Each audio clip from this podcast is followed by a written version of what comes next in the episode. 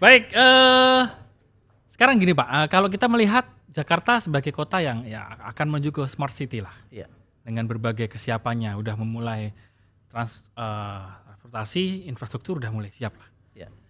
Ada nggak Pak negara yang sudah dicontoh untuk adaptasinya kepada eh, oh negara ini nih dengan eh, tingkat eh, sosial politiknya itu hampir sama dengan Jakarta. Sistem transportasinya seperti apa ya, integrasinya seperti apa? Ada nggak Pak yang diadaptasi khusus eh, dari negara lain yang mungkin sudah berhasil? Gitu? Ya, kami melakukan kajian tentunya melihat banyak benchmark Hmm. eh, transportasi di kota-kota modern dunia lainnya. Eh, contohnya eh, kami melihat eh, yang sudah dilakukan di Singapura, di Hong Kong, di Jepang, dan di kota-kota besar lainnya yang memang transportasinya sudah terintegrasi dengan baik.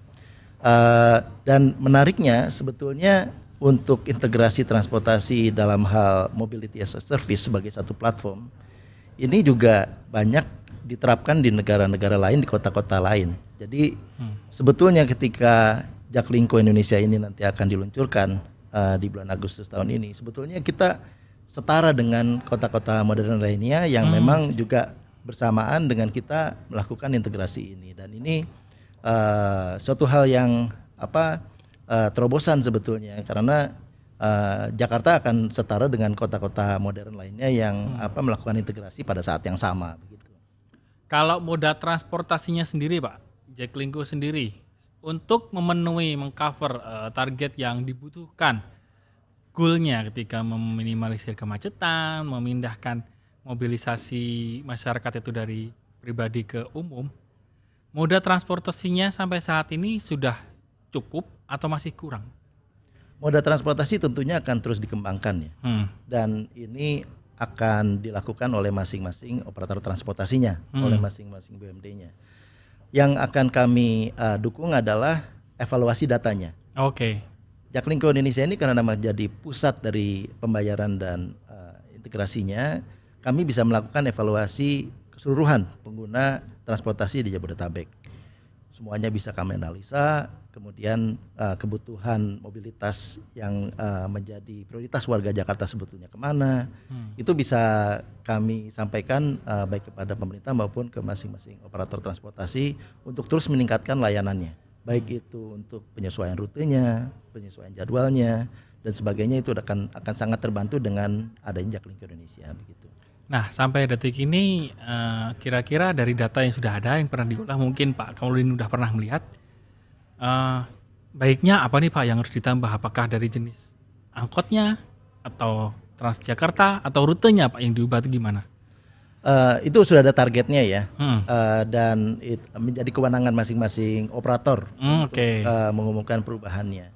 Uh, yang jelas kebutuhan untuk uh, mobilitas di Jakarta ini sangat tinggi dan uh, kapasitas ini akan terus ditingkatkan bukan cuma di apa berbasis jalan begitu bukan cuma angkot bis semuanya akan ditingkatkan di Jakarta Hmm. termasuk untuk apa yang berbasis rel seperti MRT juga masih ada fase-fase baru LRT juga ada fase baru dan sebagainya jadi semuanya akan berkembang semuanya akan bertambah dan kapasitasnya itu akan uh, menjadi apa uh, porsi dari masing-masing uh, transport operator untuk menjelaskan Transport operator yang paling kecil apa Pak yang udah terintegrasi dengan eh, Jaklingko sendiri? Eh, se- eh, kalau dari apa eh, berdasarkan eh, kapasitas Hmm. seperti LRT Jakarta ini Hmm. salah satu yang ini ya yang tergabung dengan Jaklingko Indonesia dan ini eh, kami tidak melihat apa dari kapasitasnya tapi sebetulnya semuanya harus tergabung Hmm. semuanya harus tergabung jadi eh, semua transport operator eh, baik itu eh, yang dioperasikan oleh BUMD kemudian eh, dengan BUMN seperti dengan KCI itu semuanya akan diintegrasikan karena pentingnya kita untuk bisa eh, memili- memberikan semua opsi bagi pengguna mobilitas di Jakarta nantinya. Hmm. Jadi mau pergi ke titik mana pun semuanya bisa dimungkinkan dengan adanya kombinasi eh, transportasi yang menyeluruh begitu.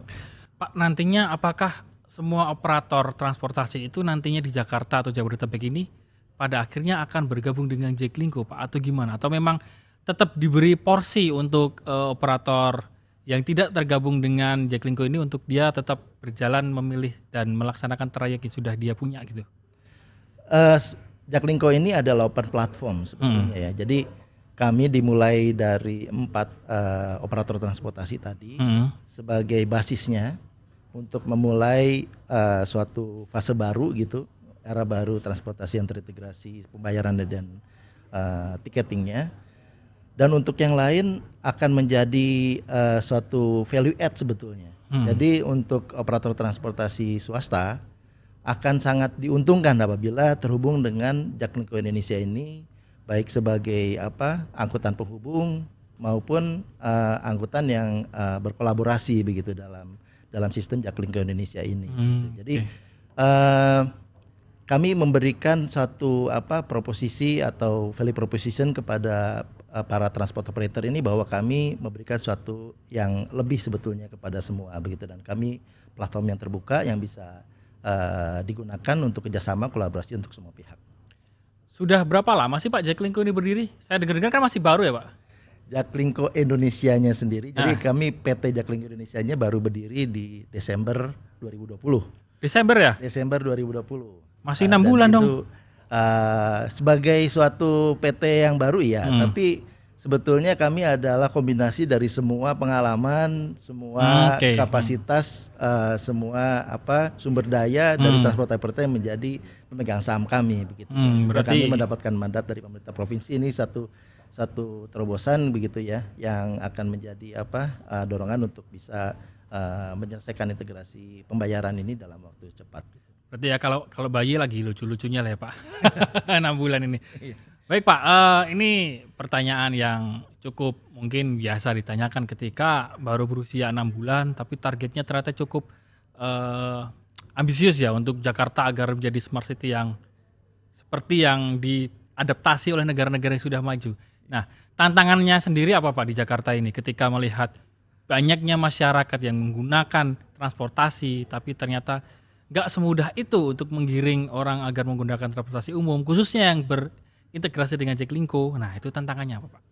Tantangannya eh, pertama eh, perubahan budaya ya. Hmm. Jadi eh, budaya untuk meninggalkan eh, kendaraan pribadi dan lebih banyak menggunakan eh, kendaraan umum. Hmm. Dan ini dimulai dari eh, awareness bahwa sebetulnya kendaraan umum di Jakarta ini sudah sangat modern loh sebetulnya. Di Jabodetabek ini sudah banyak kendaraan umum yang eh, sudah sangat eh, baik sebetulnya kualitasnya, kemudian layanannya juga sudah sangat bisa diandalkan eh, dan eh, juga membuka mata bahwa sebetulnya dengan eh, terhubungnya mereka ini eh, bisa menjangkau semua kebutuhan mobilitas eh, warga di Jabodetabek ini. Dan eh, yang kedua eh, tentunya untuk apa eh, untuk Jaklingko Indonesia ini memang perlu banyak eh, kerjasama dengan semua transport operator ya. Jadi eh, di Agustus ini kami eh, sudah jelas pemegang saham kami merupakan salah satu anggotanya. Berikutnya kami harus semakin banyak lagi bekerjasama dengan semua transport operator dan semakin banyak yang bekerjasama akan eh, semakin baik eh, layanan yang bisa diberikan, nilai yang diberikan kepada semua pengguna eh, Jaklingko Indonesia ini. Harapannya sendiri apa nih, Pak, sampai saat ini?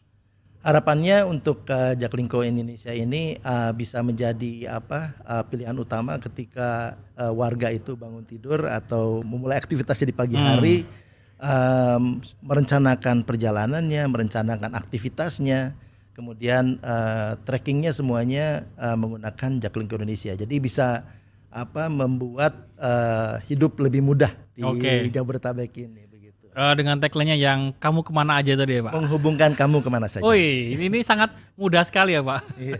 Baik, terima kasih Pak Muhammad Kamaludin sebagai Direktur Utama Jaklingko sudah hadir di program podcast Antara Friday Talk.